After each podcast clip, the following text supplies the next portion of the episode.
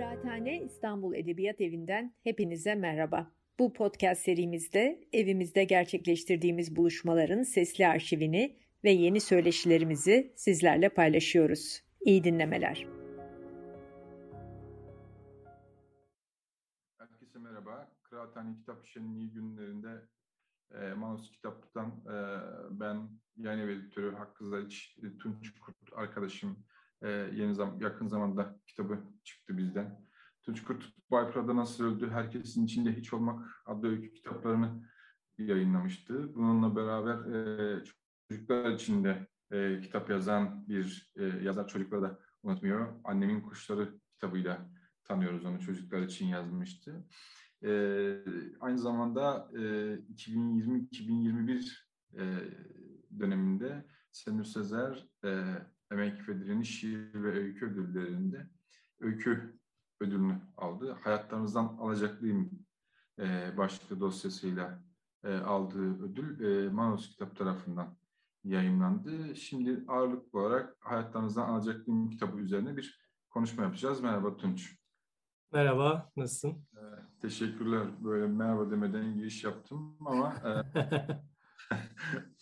Sonradan şimdi Hayatlarınızdan Alacaklıyım adlı e, dosyayla Senno Sezer Emek Direniş Şiir ve Öykü ödüllerine katıldım. E, öykü dalında birinci oldum ve e, kitabım yayınlandı. Yani genel olarak e, biraz daha senin kuşağından biraz daha genç yazarların tercih ettiği şey öykü ödüllerine katılmak. Yani sen e, biraz daha deneyimli ve e, şey bir üst kuşak yazar sayılırsın. E, bu yarışmaya katılmaya nasıl karar verdin? E, seni ikna eden unsurlar ne oldu? Ya o süreci nasıl geçirdin? Nasıl hazırlandın? E, kitabı nasıl, dosyayı nasıl gönderdin? Açıklandığında neler hissettin? Bunları bizimle paylaşır mısın? Elbette. Aslında şöyle oldu. E, benim 2015'te Bay Prada nasıl öldürüldüğü yayınlamıştım. E, ardından bir 6 sene geçti. Ben 6 sene boyunca e, yazmaya devam ettim. E, ve kitap e, dosya oluşturma aşamasını zaten e, aşmıştım. Çok fazla öykü yazmıştım. 40'ın üzerinde öykü yazmıştım. Bunların bir kısmını e, yarışmaya göndermeyi şöyle düşündüm açıkçası. Ben e, Senin Nur Sezer e, emek ve direniş ödülleri bunu aslında en başından beri takip ediyorum. Çok da ilgimi çekiyor. E, çünkü e, bir kere Sendur Sezer ismi olması benim açımdan Hı. çok önemliydi. Çünkü e, Sendur Sezer ya ismi direnişle e, anılan belki tek kişi bence e, Türkiye'de. Bu çok büyük bir şey. Çünkü e, hani direniş demek hani sadece destek olmak değil, içinde olmak demek ki bu anlamda Senur Sezer bence çok önemli bir isim. E, o yüzden çok ilgimi çekiyordu. E, sizin de dediğiniz gibi bir bir dönem düşündüm. Katılsam mı, katılmasam mı? Aslında e, katılmamak da e, bir anlamda doğru olurdu. E, dediğiniz gibi belki başkalarına şans verme açısından. Ama e, o şeyi kendi içimde yenemedim. E, o, o isimle birlikte anılmak istedim açıkçası. evet, bir önceki seferde de, bir iki önceki seferde de Hüseyin Peker aldı e, şeyi ödülü. Evet. Hüseyin Peker aldı. Öykü öykü de aldı Hüseyin Peker. Evet. Ee, mesela o, o yaş grubundan da bir yazar almıştı. Evet, evet. E, kestim sözü. Estağfurullah. Yani kesinlikle e, bir yandan ben de düşündüm aslında yani katılmasam e, daha genç isimlere şans olur mu gibisinden ama dediğim gibi biraz orada yenildim. Çünkü gerçekten de e, Sendur Sezer benim için çok e, önemli bir isim ve onunla anılmak e, da istedim açıkçası ve seve seve de katıldım o anlamda. Yani iyi bunun ödül tarafından şöyle bir pozitif tarafı var. E, demek ki yani e, artık birkaç kitabı olan e, yani yazmaya devam eden ve kitapları birbiri ardına e, yayınlanan yazarlar da bu ödüle ilgi duyuyor. Bu bence ödül için e, Senur Sezer adına da ödül adına da e, sevindirici bir şey. Yani bence e, bunu olumsuz olarak bir şey olarak düşünmedim hiç. Ama e, peki dosyaları falan hazırlarken e, ödülü alacağını düşünüyor muydun? Yani ya alırım. Yok hiç o e, şeyle He. düşünmedim. Yani öykülerime güveniyordum açıkçası Hı. ama hani e, kesin alırım gibi işte ya da çok kolay bir şeymiş gibi hiç düşünmedim ya da kendimi farklı bir yere konumlandırmadım açıkçası. Hiç e, işte tecrübeli bir öykücüyüm gibi bir şey zaten hayatım boyunca hiç düşünmedim. E, çünkü yani öykü öyle bir dünya değil. Belki diğer yani öyküyü bildiğim için söylüyorum. Yani diğer türler hakkında çok fikrim yok ama öyküde ben oldum e, denebileceğini sanmıyorum açıkçası. Bunu hatta şeyle de e, Adnan abiyle de Adnan Özyalçıner'le de konuşmuştuk. Yani hala kendisi bile e, bu şekilde düşünüyor. Demek ki doğru düşünüyorum. Öyküyle insanın işi bitmiyor. Öyküyü biliyorum demek mümkün değil. Ya he, peki şöyle mi diyorsun? Yani iyi öykü nedir bilmiyorum ama kötü öykü nedir onu biliyorum gibi. Ya evet biraz bunu da söyleyebilirim. Ee, iyi, yani iyi, iyi öyküden ziyade e, benim bakış açım hep şey kendi yazdığım bir önceki öyküyü ne derece geçiyor? Açıkçası benim kriterim biraz bu. Tabii ki çağdaşlarımı okuyorum. Çok yakından da takip ediyorum. Kimler neler yazıyor. E, bu da bence güzel bir kriter. Çünkü çok iyi bir öykü gördüğüm zaman çağdaşlarımda e, bu beni motive ediyor. Yani çünkü ne kadar çıtayı yüksek tutarlarsa e, bu benim için iyi bir şey. Hatta öykücülük için iyi bir şey.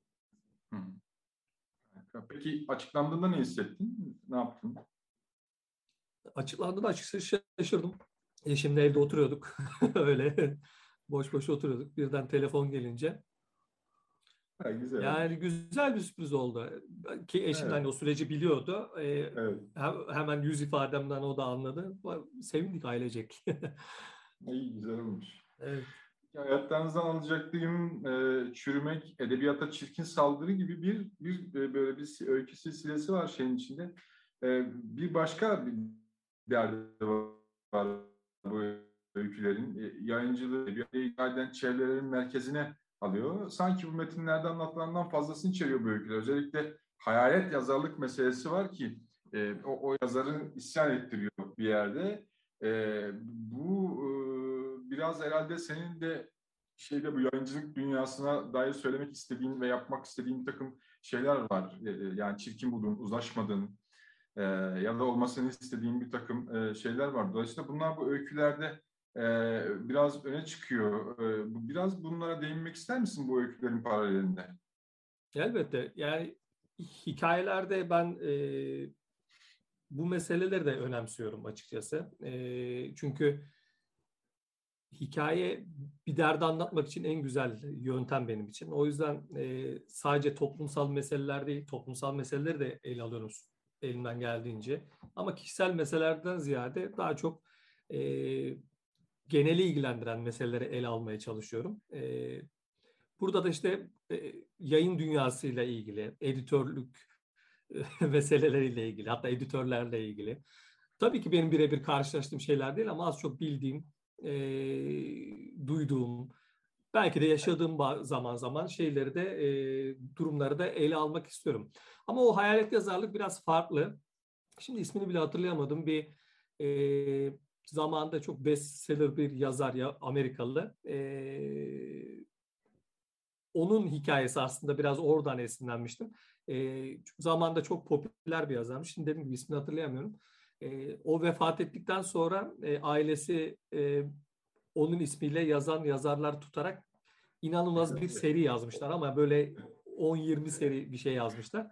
O, o çok hoşuma gitmişti benim o duyduğumda. Oradan esinlenerek yazmıştım. Ki mümkündür yani e, ben imkansız olduğunu sanmıyorum böyle şeylerin e, camiada.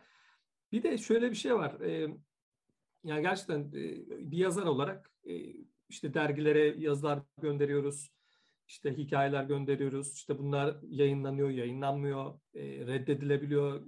Hiç sorun değil. Ben bugüne kadar reddedildiğim e, sayısı, yani reddedildiğim öykü sayısı, yayınladığım öykü sayısının belki 10 katıdır yani. E, ki olmalı, olması gerektiğine de inanıyorum. E, çünkü insan, yazarın metinle e, arasındaki o duygusal bağı birisinin kırması gerekiyor. Ki bence bu çok önemli. Editör bunu yapabilmeli. İlk zamanlarda çok alınıyordum e, yazmaya başladığımda.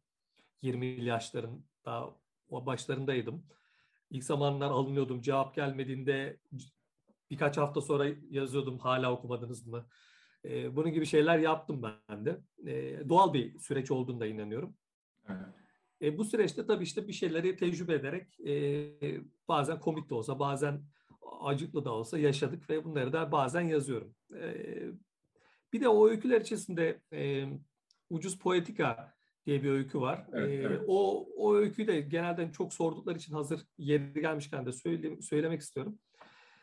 Şimdi Ucuz Poetika'da aslında ben onu bir ön söz olarak görüyorum. Hatta bir ön söz yazmayı planlamıştım. Sonra hep şey vardır ya ön söz yazacak kadar önemli birisi misin diye bir şey vardır. Sonra kendi kendime bu soruyu sordum. Değilim dedim. O yüzden bari bildiğim şeyi yapayım. E, öykü üzerinden bunu yapayım. Hatta dedim kendimi de eleştireyim. E, bu aslında bir ön söz, bir aynı zamanda bir öz eleştiriydi e, hikaye olarak ki orada belki birazdan konuşuruz deneysellik işte evet. işte modern postmodern yazım teknikleri üzerine bir öz eleştiriydi kendi adıma. Ve gerçekten de samimi bir şekilde kendimi de çok eleştirdiğim bir hikayedir o. Ee, orada işte bu modern, postmodern denemeler yapmak, deneysel dokunuşlarda bulunmak, işte e, öyküyü ne, ne kadar yükseltiyor, ne kadar düşürüyor bunları hep kendi kendime zaten sormuşumdur. İşte burada da öykü karakter üzerinden aslında e, dürüstçe cevapladığım bir ön söz, ola, ön söz olduğunu söyleyebilirim. Peki burada bir şiirsellik var. Orada e, bir, bir şiir de geçiyor. Büyük şairler böyle büyüklenmeler, büyüklenerek kendi var etme çabası. Orada bir şiir de geçiyor. Peki yani bu e, yazarken çağdaşları okuyorum demiştin. Çağdaş yazarları, çağdaş, çağdaşım olan yazarları, öykücüleri okuyorum demiştin. Peki yazarken yazarken etkilendiğin, seni etkileyen yazarlar ve şairler oluyor mu? Bunların etkisine açık mısın yoksa e, bir okuma pratiği olarak mı devam ediyor bu e, okuma edimi? Ve şairlere de soruyorum aynı zamanda yani. Evet. Yani ben her zaman hani diyorum okudum herkesten etkilenmişimdir. Yani bunu hiç gizleyecek bir şeyim yok, tarafım yok. E, İlla ki etkilenmişimdir ama tabii kendi sesini bulmak diye bir mesele var. E, evet. Ki bu konuda da eleştirildim de çok oldu. Yani her öyküde farklı denemeler e, yaparak aslında kendimi sınamaya çalışırken e, kendi sesini bulamadığına dair e, eleştiriler de gelmişti. E, hatta Kadir Yüksel de öyle demişti yanlış hatırlamıyorsam öyle bir şeyde bulunmuştu. Katılıyorum da. E, bu üslup meselesinde ben hani buna çok kafa da yoruyorum. E, gerçekten bir üslubum var mı yok mu? E, ama bir yandan da kendimi sürekli yenilemek istiyorum. A, yani güvenli bir alanda kalmak da istemiyorum.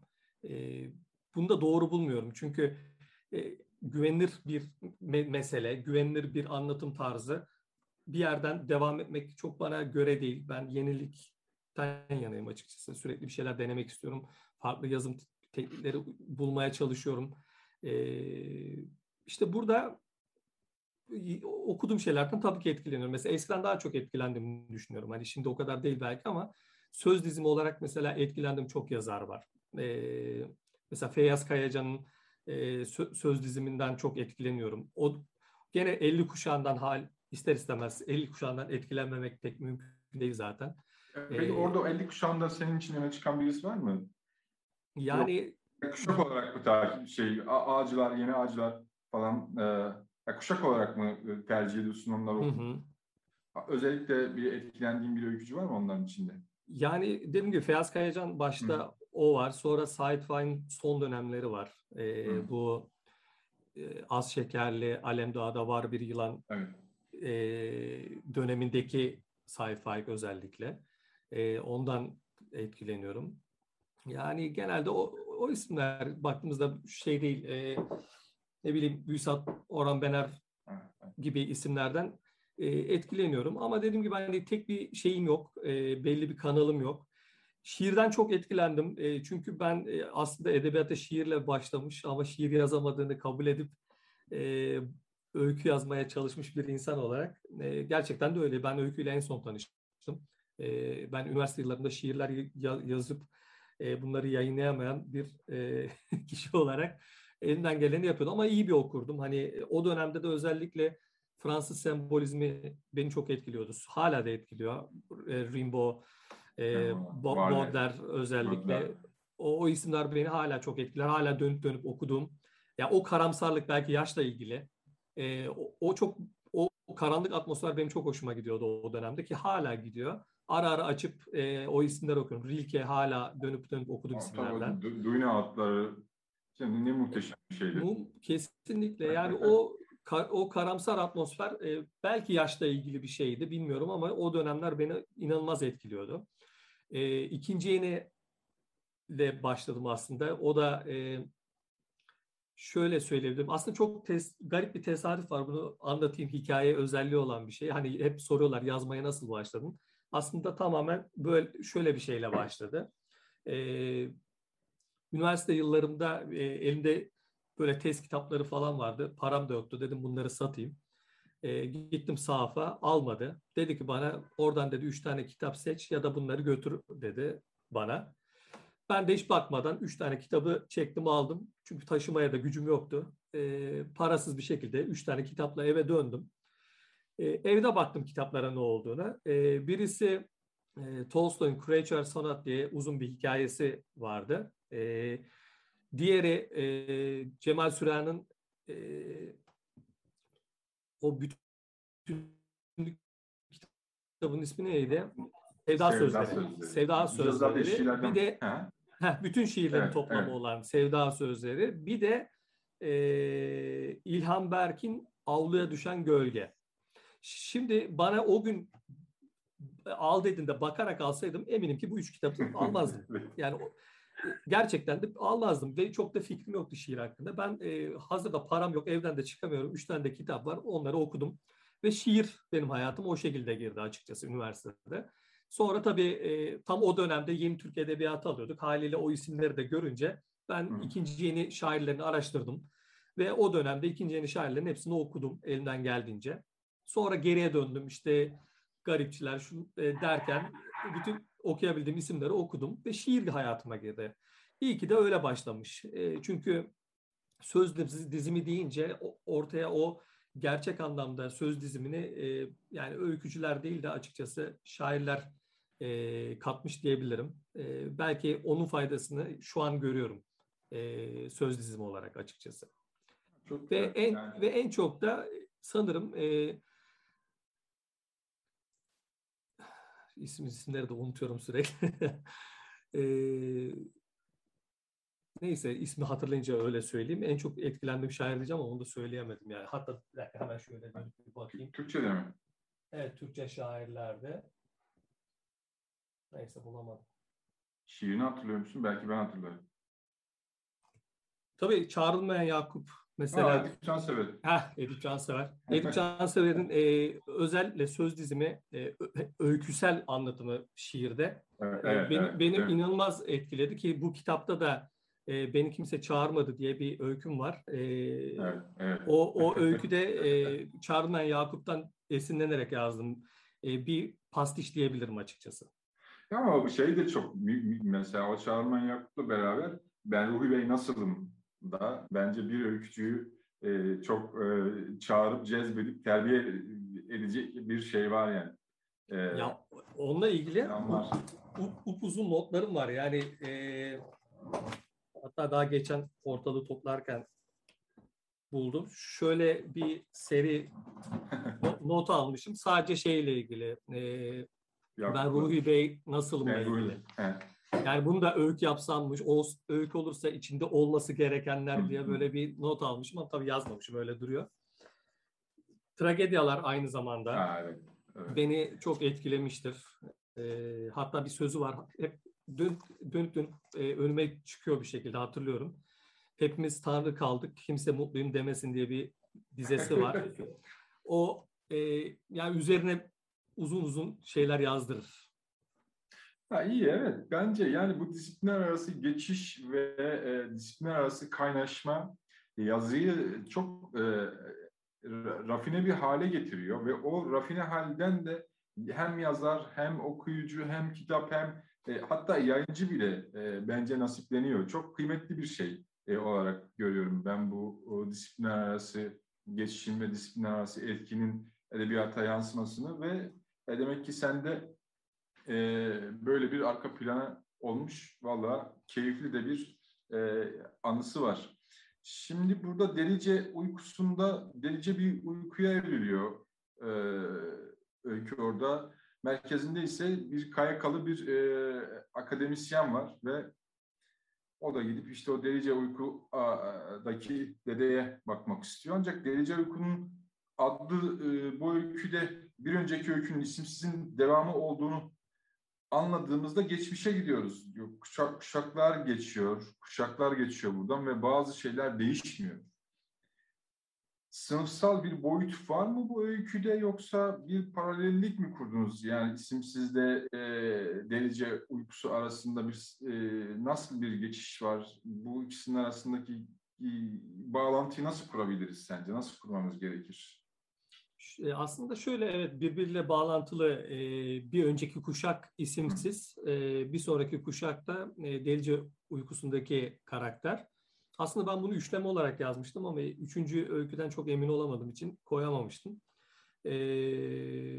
aslında beni yani bunu yazmaya iten şey aslında gene mesela dedemden yola çıkarak yazmıştım. Dedemle aslında oradaki ilişki dedemle olan ilişkiyle doğrudan orantılı.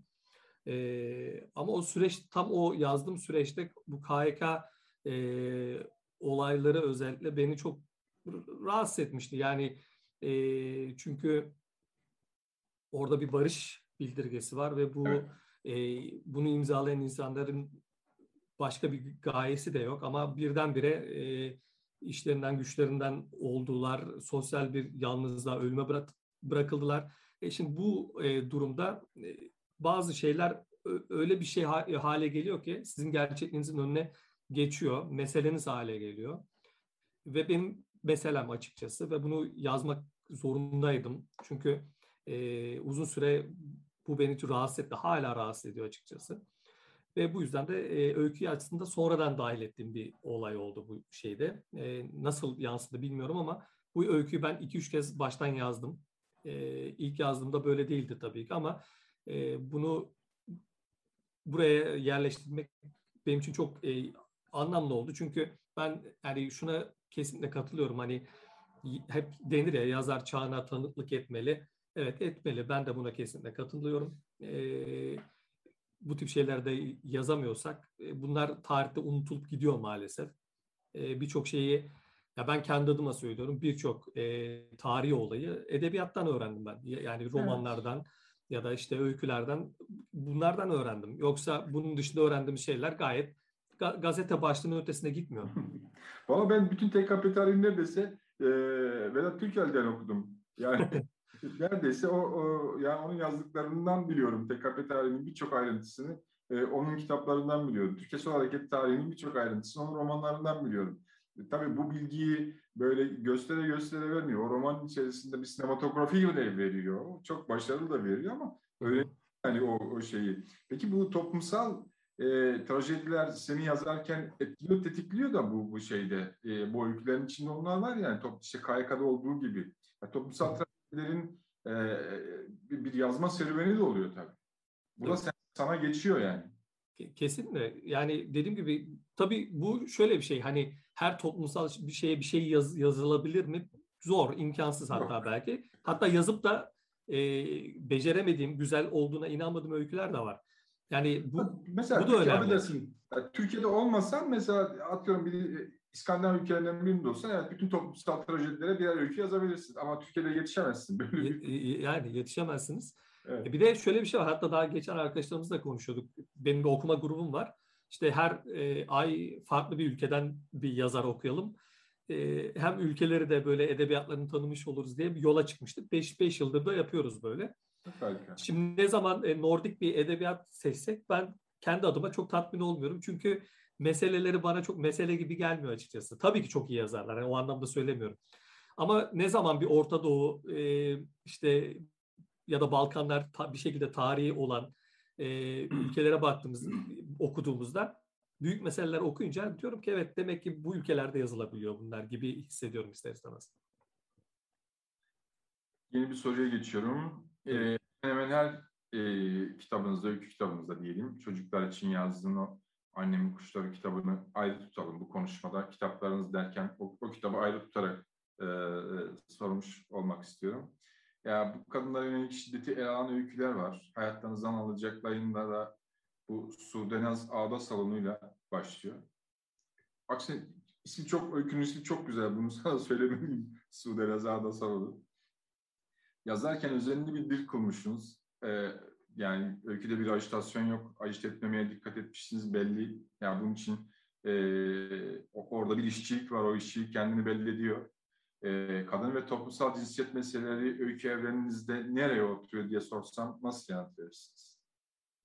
Yani bu bu alan aslında biraz yazma açısından hani e, bazen riskli bir alanda açıkçası. Çünkü bir erkek gözüyle bunu yazmak zor, gerçekten de zor. Ve kadın yazarlar bunu çok iyi yazıyorlar. Yani onları okuduğumda görüyorum. E, kadın öykücülerin bu konuyu zaten çok iyi yazdığını biliyorum. Ve haliyle çok iyi örnekler olduğu zaman e, yazarken ben de çok açıkçası düşündüm yazıp yazmama konusunda. E, bazen de e, hani mesela erkek yazarlar içerisinde bazen güvenli bir e, muhalif alan olarak da kullanıldığını hissettiğim için açıkçası biraz da çekiniyorum. Çünkü e, muhalif alanlarda en yani erkek yazarlar içerisinde en güvenilir alan olduğunu düşünüyorum açıkçası. Çünkü e, konulara girildiği zaman biraz daha riskli bir e, tarafı var e, bu konuların. Ama işte e, kadın eksenli bir şey yazarken ben birçok şeyi düşünerek yazıyorum. Bir kere e, dediğiniz gibi hani e, bunu acıklı bir hikayeye dönüştürmekten ziyade ben daha hala içinde umut olan bir insan anlatmaya çalışmak istedim açıkçası. Burada Sudanez o yüzden bence önemli. Ee, ümidi var, hala hayalleri var ve vazgeçmiş değil. E, o yüzden ben onu anlatmak istedim. Ve yazdıktan sonra da e, yani güvendiğim bir e, kadın yazar arkadaşlarıma da gönderdim. Hani olmadıysa söyleyin bileyim e, ya da eksiği neyse bileyim. E, onlar da beğendiğini söyledikten sonra hani açıkçası güvenip e, kitaba aldım ben de. E, çünkü bir, biraz da şey de demek istiyorum hani e, bu alan hani gerçekten riskli olduğu için e, çok e, düşünmeden yazılabilecek bir e, şey değil bence. E, konu değil. Ya biraz önce bir şey söyledin, e, öyküyü gönderdim, okuttum falan diye. E, bunu yapabiliyor musun? Yani ben açıkçası yazının e, kişisel bir şey olduğunu biliyorum. Fakat e, asıl e, bir tık daha üstünde bir, bir iddiam var. Yani kendimce bir iddia bu. Yazı yazmak kolektif bir şeydir. E, bir kolektif bilinç gerektirir. Dolayısıyla yani ben yazdım olduğu fikri bana hiç sıcak gelmiyor. Hiç doğru bulmuyorum bunu. Ve mesela yazdığım her şeyi mutlaka başkalarına okutuyorum. Mutlaka, mutlaka başkalarına okuttuktan sonra göndereceğim yere gönderiyorum. Onların görüşünü alıyorum, onların eleştirilerini. Yani sende de böyle bir şey var mı? Ee, çünkü böyle şeyleri söyledin. Ee, acaba yani bu, bu kolektif fikre katılıyor musun? Yoksa daha farklı bir yerde mi bakarak e, yazdan oku, yazdıktan okumalarını istiyorsun arkadaşlar? Yani hepsini okutmuyorum açıkçası. Gerçekten e, güven, an, yani emin olamadığım bir şey olduğu zaman okutuyorum e, öykülerimi. Ama şöyle bir şey var, hani kendi adıma e, daha acımasız olduğunu düşünüyorum. Hani okuduğumda bir şeyin, yazdığım bir şeyin kötü olduğunu e, büyük ihtimalle görüyorum. Yani onu hissediyorum da. O yüzden hani çöp atma konusunda da çok rahat olduğumdan e, içimde rahat açıkçası. E, yani şunu da koyayım hadi fena değil demem yani dosyaya. E, ve rahat bir şekilde de atarım çöpe. E, o yüzden o konuda hani içim rahat ama dediğim gibi e, bazen içim içime sinmeyen, emin olamadığım e, öyküler oluyor. Ki bu genelde deneysel şeyler oluyor. Çünkü bazen işte deneysel bir şey yaptığım zaman bana çok güzel geliyor ama bu karşı taraftan nasıl anlaşılır, anlaşılır mı? Ya da işte e, benim düşündüğüm gibi düşünür mü diye bazen ikilemde kaldığım durumlar oluyor. O zaman gönderiyorum arkadaşlarıma. Yani deneysellik deyince bu yine bir bir soruyla e, yanıt vereyim ben. Belki işte, e, işte kadın var, adam var, e, bolca bolca bolca e, kitapta e, Mustafa var. Bu öyküde e, yani bunlar da deneyselliğin bir parçası mı yani? Niye Mustafa? Kim bu Mustafa? Yani deneysel falan. Yani şimdi bu soruyu sorana kadar hiç düşünmedim bir şey. Evet. Ee, şimdi düşününce gerçekten bir sürü Mustafa var. Babamın adı da Mustafa. Acaba hmm. bilinçaltı ile ilgili bir şey var hiç bilmiyorum. Ee, hep Ama şey vardır ya böyle. babanın adını kullandığını düşünmüyor musun? Yoksa? Hiç düşünmüyorum. Yani herhalde ha, e, ya da alternatif bir e, bilinç altından oluştu ve isim bulmakta zorlandığı zaman hadi bu da Mustafa olsun diyor. Hiç bilmiyorum. Ama belki de hani bu edebiyatında hep konusu olan erk konusunda hep baba vardır ya. Belki böyle bir kodlama var da bilinçaltımda öyle oluştu gibi bir durum var hiç bilmiyorum ama bilinçli yaptığım bir şey değil kesinlikle. Hmm. Yani bir, bir deneyselliğin bir parçası değil Mustafa diyorsun. Değil. Ama önemli bir şey söyledin. Yani e, yazar Mustafa derken, e, o, o Mustafa yazarken babamın adını e, hatırlamıyorum. Bence çok önemli bir şey. Çünkü ya, e, yazarla metin arasında bir şeyin e, yazarken girmemiş olması yani bu babam diyorsa babam babam gelse tanımam tanımam olması bence keyifli bir şey. Yani metnin hazzını arttırıyor. Yazma hazzını da okuma hazzını da arttırıyor bence. Belki de bilmiyorum. Kısımda. Olabilir. evet. Peki buna bu soruya paralel bir soru daha soracağım.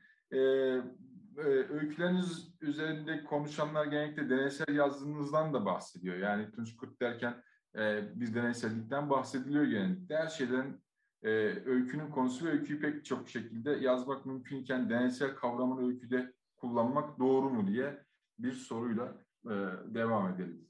Yani ben böyle çok e, aşırı deneysel yazmaya çalışan biri de değilim açıkçası ama hı hı. E, aklımda bazen hep yani bazen şöyle bir şey oluyor. Diyorum ki hani şöyle bir hikaye yazsam nasıl olur? Yani biçimsel olarak bir şey e, kafamda bazen dolaşıyor ve buna uygun bir konu bul, bulabilirsem hani illa zorlamıyorum da bulabilirsem e, o de, o şeyde e, o deneysel e, dokunuşu deniyorum. Yaz, yazıyorum. Ya gerçekten de adı üstünde olduğu gibi deniyorum. Hani deneysellik tabii ki böyle bir şey değil. Şansım deneyim anlamında değil ama e, e, ama hani bu şekilde yazıyorum ve ortaya çıkan şeye bakıyorum.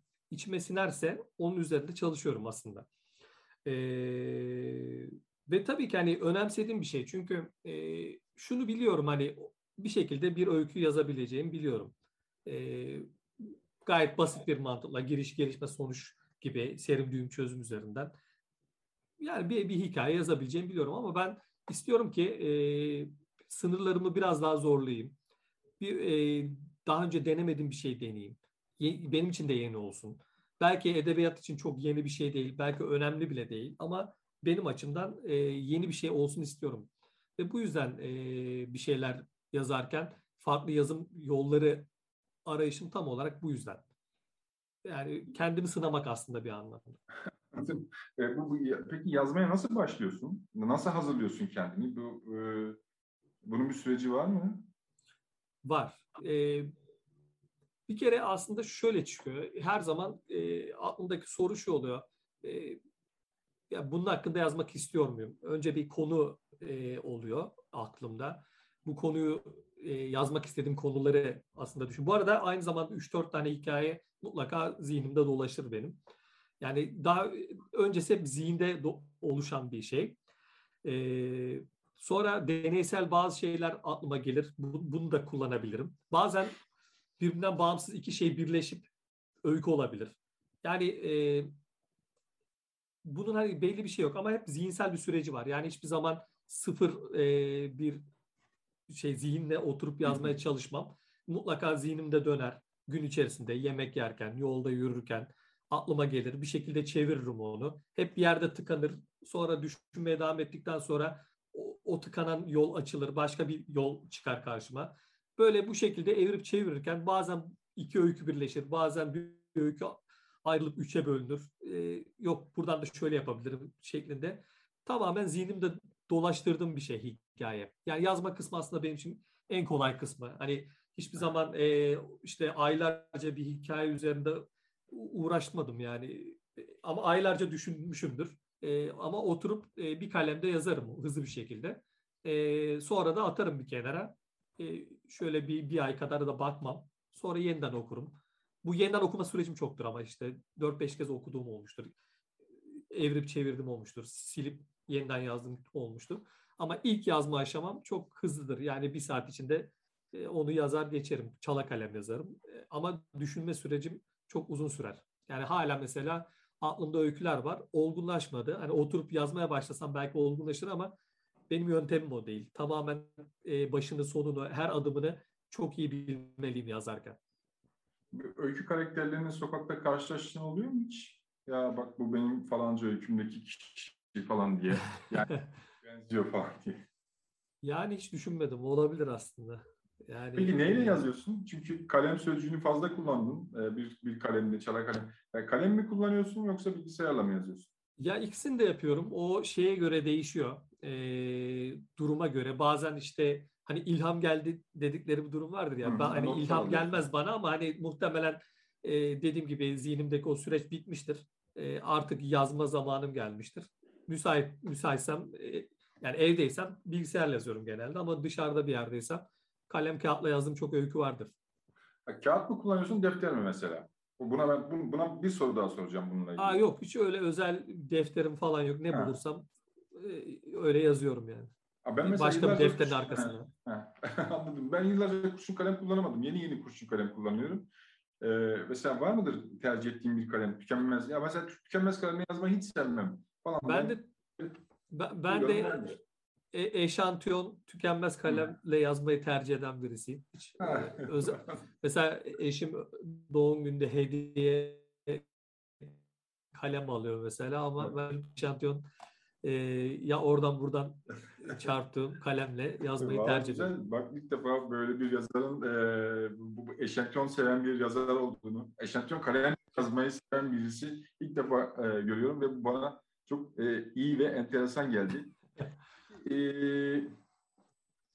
biraz da böyle bir memleket hallerini, memleket yazınını konuşsak. Yani ya bu Türkçe öykü de yani e, ben hem dergiden gözlediğim hem de okuduklarımdan son zamanlarda bayağı güzel öyküler de okudum. Güzel kitaplar, iyi, iyi kitaplar okuduğumun farkındayım.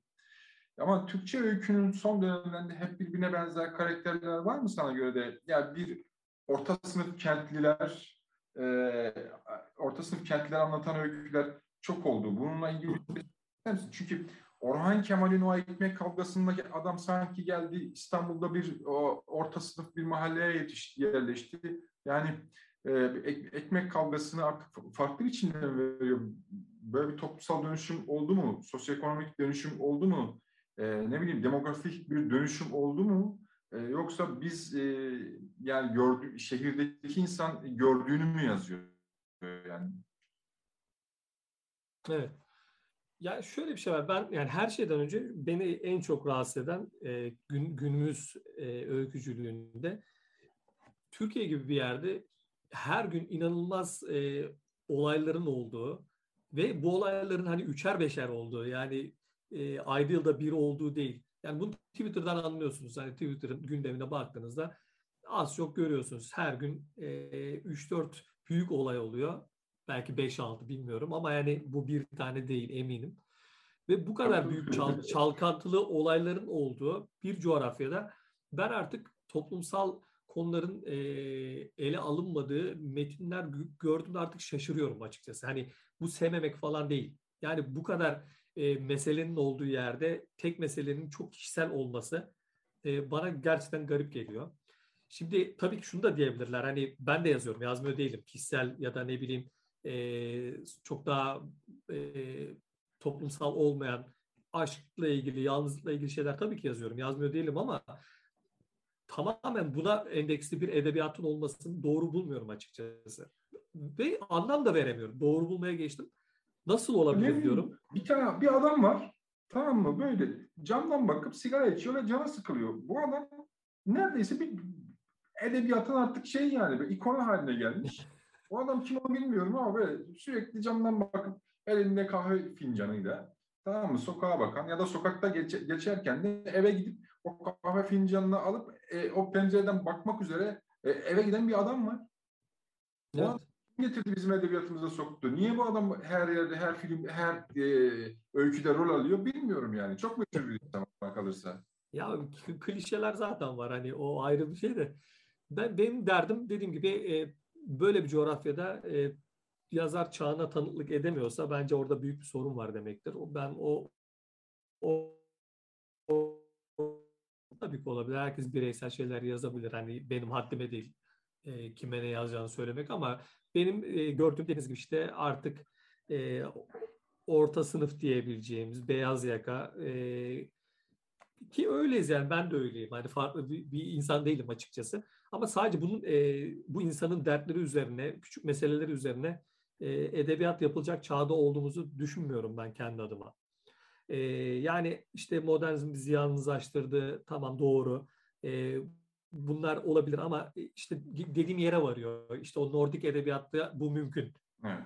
Yani mümkün görüyoruz. E, okuyorum çok güzel, çok iyi yazarlar okuyorum. Evet doğru. Evet onlar yazabilir. Onun için yalnızlık çok büyük bir mesele olabilir ama bizim yalnızlığımız daha büyük. Yani farklı şeyler var. Bizi yalnızlaştıran şey e, ne bileyim e, sadece insanlar karşı cins falan değil. Devlet tarafından yalnızlaştırılıyoruz. Ülkemiz ve, yalnızlaştırıyor. Bizi ya, ülkemiz yalnızlaştırıyor. yalnızlaştırıyor ve doğal olarak biz e, bunları e, es geçemeyiz, geçmemeliyiz. İşte bu beni biraz rahatsız ediyor açıkçası. Evet. E, şimdi bu şey bu, bu ucuz politika ile ilgili bir şey daha soracağım. Yani bunu bir şeye bağlı. Memleketle ilgili. E, yani bir e,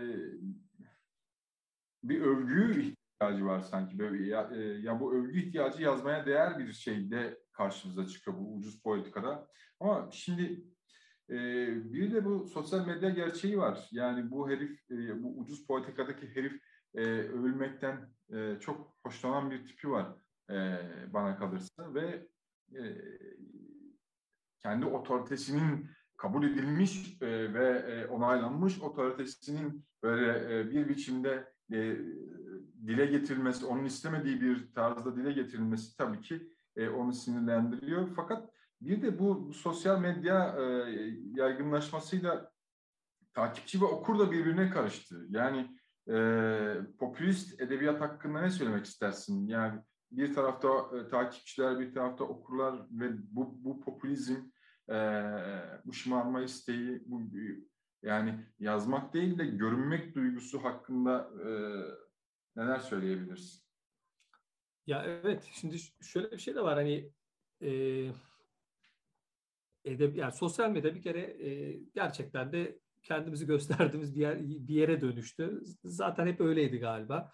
E, ve bir de mesela edebiyat özellikle işte bu öykü ve şiir için özellikle daha geçerli sanırım. Raf ömrü çok uzun olmayan şeyler olduğu için e, sosyal medya ister istemez bir şekilde hayatımıza giriyor.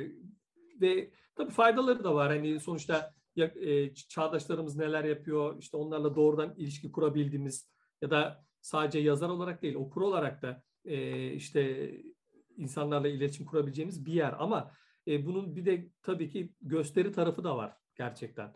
E, bu biraz e, bu edebiyat dergilerinden ayrılıp da e, daha işte e, yazar şair fotoğraflarının en başa konduğu biraz daha böyle e, epigraflarla süslenmiş dergilerden biraz e, sanırım oluşan bir kültür. E, Instagram gibi platformlar da buna da çok müsait kahveli kitap görüntüleri gibi. Bunlar olmasın dediğimden de değil. Yani bunlar tabii ki olabilir. Ama e, gerçekten hızlı tüketilen tüketilen bir çağ zaten. Ve öykü, şiir gibi şeyler de artık e, aslında e, bence biraz şeyini doldurdu gibi geliyor. E, yani üretim anlamında değil ama e, aynı şeylerin evrilip çevrilmesiyle e, miadında biraz doldurdu gibi geliyor. Yani okurdan ziyade e, artık yazar var. Bence herkes yazar gibi geliyor bana. E, yani şeyde sosyal medyaya baktığım zaman e, herkes bir şekilde yazmaya çalışıyor. Kitap olanlar, e, kitap olmayıp dergilerde yayınlayanlar, kitap yazmayı planlayanlar. E, çok az da olsa bir okuru olan kesim var belki. Yani bana kalırsa bir öykü okur kitlesi bin kişiden fazla değilmiş gibi geliyor bana açıkçası. Şey demişti Ahmet Oktay'la bir konuşmamızda ya benim 150 kişi okusa yeter demişti yani ne bu kadar çok falan diye. Ya ben o, mesela o, o söz bende kalmıştır. Yani yeter evet Ahmet Oktay'a yeten 150 kişi bize niye yetmesin ki yani? Doğru. Yani hatta ben ödül töreninde de hani konuşmada e, şey dedim e, ben kendim gibi insanlar için yazıyorum. Hani benim gibi okuyan, beğenisi benim gibi olan. Hı. işte e, benden farklı birisi değildir muhtemelen. Ben o insanlar için yazıyorum. Çünkü kendim için yazıyorum en başta. E, muhtemelen e, yazdığım kişi ya da okur kitlesi olarak hedeflediğim kişi de benim gibi birisidir diye düşünüyorum. İşte aynı şey yani 3-5 kişi okusa e, geri dönse biraz sohbet etsek zaten öykü amacına ulaşmıştır gibi geliyor bana. Peki bu şeyi nasıl geçiriyor, geçirdin? Pandemi dönemini evde e, evde kalma zamanını nasıl geçirdin? Bir edebiyatçı olarak evde nasıl kaldın? Ne yaptın? Ekmek mi yaptın? Yoğurt mu yaptın? Yazı mı yaptın? Yani şey ben e, öğretmen olduğum için uzaktan eğitimi e, evden zaten yaptım.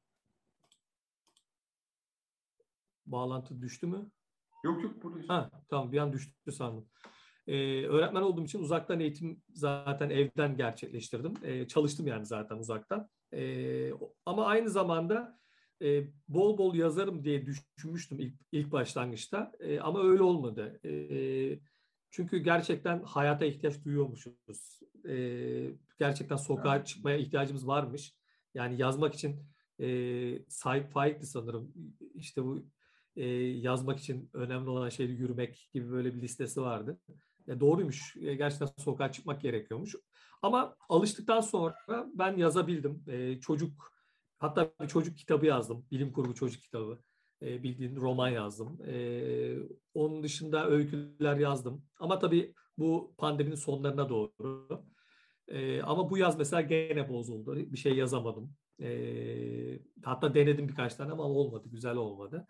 Ama e, ekmek yapmadım. Kilo aldım. E, bol bol. E, onun dışında gerçekten zor bir süreç.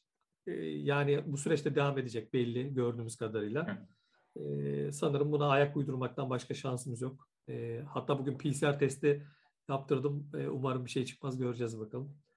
E, aşı olmadı Sanırım mı? alışacağız. Aşı, aşı oldum. İki aşıyı da oldum ama e, bir biraz rahatsız gibi hissettim. E, bir de işe gitmeden önce başkalarını da bulaştırmama risk, yani bulaştırma evet, riskine karşı evet. o ihtimale girmeyeyim diye bir emin olmak için test oldum bakalım göreceğiz. Peki salgın hikayesi okudun mu hiç? Yani ben e, okumadım açıkçası. Sen okudun Sanırım e, öyle bir evet. seçki gibi bir şey yapıldı galiba e, salgınla ilgili. E, yani o dönemle o dönemde yazılan ürünlerle. Evet, yani evet, evet, evet. Salgın başlığında ama içeriği sanırım sadece salgın değil galiba. Ben evet. okuyamadım bilmiyorum ama öyle bir şey yapıldı. Ee, ama o dönemde vebayı okudum. öyle söyleyeyim. Ha, evet. Ee, e, ben de şey kitapları okudum ee, ama bir kez de Dünya Atlarını bir kez daha okudum o, o süreçte. Ee, bana Rilke iyi geldi açıkçası. Peki e, bir, bir şöyle bir şey sorayım. E, bu Hulki Aktunç şey diyor, bir uykunun düş vermesi bilirsin yıllar alır diyor. Sanki e, bizim e, bu meseleyi yazmamız için biraz daha biriktirmemiz atıyorum salgın meselesini, bu, bu salgını, bu pandemiyi yazmamız için biraz daha biriktirmemiz, anlamamız ve bunun trajedisini içimize iyice sindirip böyle kalıplaştıktan sonra, tortusu içi, iyice içimize düştükten sonra, çöktükten sonra mı e, yazacağız bunu? Yoksa yavaş yavaş bu pandemi öyküleri çıkacak mı? E, ne dersin? Yani çık, çıkacaktır muhtemelen ama hani bana şeyi hatırlattı mesela Gezi e, Gezi'den sonra mesela bu ürünler işte hızlıca da ortaya çıkmıştı. Ama evet. daha böyle e, derli toplu olanları daha sonra çıktı. Ki ben de mesela açıkçası acele etmedim. Birkaç yıl sonra Gezi ile ilgili işte Bay Prada nasıl öldürüldü de birkaç öykü mesela Gezi'de e, Gezi ile ilgiliydi. Çünkü sindirdiğime inanıyordum açıkçası o dönemde açık artık. Çünkü uzaktan daha eleştirel de bakma şansım oldu. E, ve ki zaten hani haklılığını yeteri kadar gösterdi bence. Çünkü e, hala konuştuğumuz, hala üzerine tartıştığımız, hala e, andığımız bir e, toplumsal bir olay bence. Tabii canım. Bir ee, şey hatırlıyorum, affedersin sözünü kesiyorum. Estağfurullah. Ee, ayaklanması böyleyse devrimi ne kadar güzel olur düşünsene. yani kesinlikle öyle ve hala bunun üzerine daha çok konuşulacağını düşünüyorum ben. Böyle toplumsal şeyler tabii ki e, ürün vermek için müsait ki verilmeli de bence. Çünkü yine dediğim şeye geliyor. Çünkü e, o tarih her zaman tarih tarihi anlatmıyor olabiliyor. O yüzden bu iş biraz da edebiyatçılara kalıyor bence. E, salgın da daha işin içinden çıkmadığımız için e, evet. bizi nereye görecek? E, yani açıkçası çok da e, öngörüsü yüksek birisi değilmişim. Ben biter diye düşünmüştüm açıkçası. E, bu yaza tamamdır bu iş gibi e, düşünmüştüm. E, ama sanırım ki öyle olmayacak. Artık varyantı bilmem nesi sanırım bu yıllarca hayatımızda olacak gibi görünüyor. E, ama bence e, artık e, salgının getirdiği birçok şey yazılabilir gibi geliyor bana. Bir kere e, yalnızlık konusu bence yeniden ele alınabilir çünkü bu farklı bir şey. E, çok farklı bir durumdu. Bence e, yine siyasetle de ilgili e, e, ele alınabilir. Çünkü sınıf farkını e, ben biraz da salgında gördüm açıkçası. Evet. Çünkü bir eğitimci olarak e, eğitimin hani her yere eşit e, verilemediğini biliyoruz ve eğitimci olarak ben bunu daha sık görüyorum haliyle. E, evet işte özel okullarda ki ben de özel okulda çalışıyorum. E, özel okullarda daha iyi imkanlar var ama ülkenin başka köşelerinde yani bırakın e, eğitimi eğitime ulaşabilecek teknolojik alete bile ulaşamadı insanlar. O derece bir sınıf farkını gördük salgında. Bence bu yaz, bu yazılmalı. Mesela ben yazarsam bunu yazarım muhtemelen. Evet. E, ya da ne bileyim işte biz e, beyaz yakalar e, bir odaya sıkışıp kaldık e, ya da bir ev işte balkonsuz evlere sıkışıp kaldık. İşte ne bileyim yazda olan e, uzaktan e, çalışabilen işte ne bileyim Bodrum'dan çalıştı. Bahçesinde çalıştı mesela. Yani mesela bunlar e, sınıf farkı bence işlenebilecek çok iyi bir konu salgınla ilgili. Ya ben de öyle bir toplantıya katılmış ve kendimi çok kötü hissetmiştim. Gerçekten e, müzisyenler, sinemacılar e, e, vardı, tiyatrocular vardı falan. Evet. Kimisinin çok e, daha aydınlık, ferah yerlerde, kimisinin de benim gibi çok karanlık yerlerde e, olan görüntülerine bak, bakmıştım ve e, Evet, sanatçılar ben, da çok etkilendi hani bu süreçte. Evet, evet, Müzisyenler tabii. özellikle. E, mesela bu çok büyük, hala etkileniyorlar. Yani şimdi artık salgınla bahanesiyle işte biliyorsunuz müzik e, müzikli yerler işte 12'ye kadar gibi uygulamalarla e, hem yaşam biçimimize de dokunan hem de müzisyenlerin ya bu insanlar ne yapacak diye hiç sorulmadığı bir garip bir dö- döneme denk geldik artık. Yani bunu yaşıyoruz ve bunlar evet edebiyatçının anlatması gereken şeyler bence. Peki bu biraz önce aklımda kaldığı bir şey var. Bu sembolist Fransız sembolistlerden bahsetmiştin. Ee, yazmak istediğin bir çağ var mı? Ya da ya ben şu çağda yaşasaydım daha iyi yazardım falan diye ne bileyim böyle heves ettiğin? Yani yok öyle bir hevesim yok. Ben çağımdan açıkçası memnunum. Ee, çünkü yani bildiğim çağ zaten bu olduğu için açıkçası. Çünkü evet. e, her çağın sanatçısı üstüne düşeni yapsın bence. Ama tabii ki hani e, o dönemde olsaydık gidip de bir Badler olur muyduk sanmıyorum ama e, ama bir de şöyle bir şey var. Hani sanırım e, Malerme'nin de Malerme kendi etrafında gençleri topluyor. İşte e, hatta ben bazen şimdi çok da şey yapmayayım e, büyük bizim şairlerden de buna benzeyen yöntemleri uygulayanlar ol, olmuş ya. İşte gençleri etrafında toplayıp işte e, kendi yazdıklarıyla ilgili yazılar yazdırıp e, biraz daha kendini üste çıkartıp sonra işte bu isimleri unutmayın ileride karşınıza çıkacak gibi klas, bir klişe vardır ya. Hiç o isimlerin hiçbiri de ileride karşınıza çıkmaz. İşte Malherbe hani o dönem biraz öyle yapıp kendini yüceltmiş. e, bizim çağımızda da vardır muhtemelen diye Öyle. düşünüyorum. E, muhtemelen ben o e, yüceltmeye çalışan kesimde olurdum gibi geliyor. O yüzden iyi ki de o, o dönemde olmamışım. Evet, seninle konuşmak çok keyifli çünkü kendinle çok e, çok güzel kavga ediyorsun, çok şey yapıyorsun kendinle falan e, ve bu e, bana keyifli geliyor. Peki tamam. var bir şey var mı diye bu klasiktir ya her söyleşinin yani bence benim son sorum bu e, olacak. E, yeni ne çalışıyorsun, ne yazıyorsun, ne yapıyorsun, mutfakta ne var diye sorayım yani klasik olarak. Bu da klişe klişesi olarak e, yalnız bırakmıyorum bu klişeyi. yani şöyle e, öykü bir dosya daha çalışıyorum ve sanırım artık öyküyle e, eski aram yok. E, bilmiyorum iddialı konuşmayayım ama sanırım son bir öykü kitabı daha yazıp öyküyle bağımı koparmayı planlıyorum açıkçası. Ee, hani öyle olur mu bilmiyorum. Hani çok iddialı Yazmakla konuş... mı? Yani Yaz... yazacaksın peki? Ha, öykü yazmakla evet öz, öykü yazmayı bırakmayı planlıyorum. Ee, yavaş yavaş sigarayı bırakır gibi. Ee, çünkü artık öyküden o tadı alamıyorum. Yani okurken alıyorum ama yazarken değil. Ee, sanırım daha uzun anlatılara girişmek gibi bir planım var. Bu var birkaç roman fikri var yazmak istediğim. Daha başlamadım ama çocuk edebiyatına daha çok ağırlık vermek istiyorum. Ee, işte bir çocuk bilim kurgu romanı yazdım. Ee, üzerinde çalışıyorum hala. Ee, yine bir çocuk bilim kurgu romanı taslağım var. Ee, aslında fikir olarak hazır yani. Oturup yazmam gerekiyor sadece. Ee, sanırım e, çocuk edebiyatına daha çok ağırlık vermek e, ve aklımda birkaç roman var. Onları da yazmak istiyorum. E, ama hani öykü geri döner miyim bilmiyorum ama şu an için düşüncem sanırım öyküyü bırakmak istiyorum. Öyle söyleyeyim. Abi bu, bu çok e, enteresan bir son oldu ya. Yani evet. Yani, evet, öykücü olarak anılan birisi olarak. evet, evet öykücü Doğru. olarak başlayıp e, başladı öykücü olarak başladığımız söyleşiye e, öyküyü bırakmak üzere e, bitiriyoruz. Yani e, yani tabii ge- gelecekte hala bir öykü dosyası olacak fakat e, sen e, öyküyü bırakmaktan bahsettiğin bir söyleşi. Evet. yani bir, bir öykü kitabı daha kesinlikle çıkarmak evet. istiyorum ama e, sonrası hakkında şu an karamsarım açıkçası ama belli olmaz tabii hani e, benim işim belli olmaz hani belki de yazmaya devam ederim ama şu an için düşüncem o.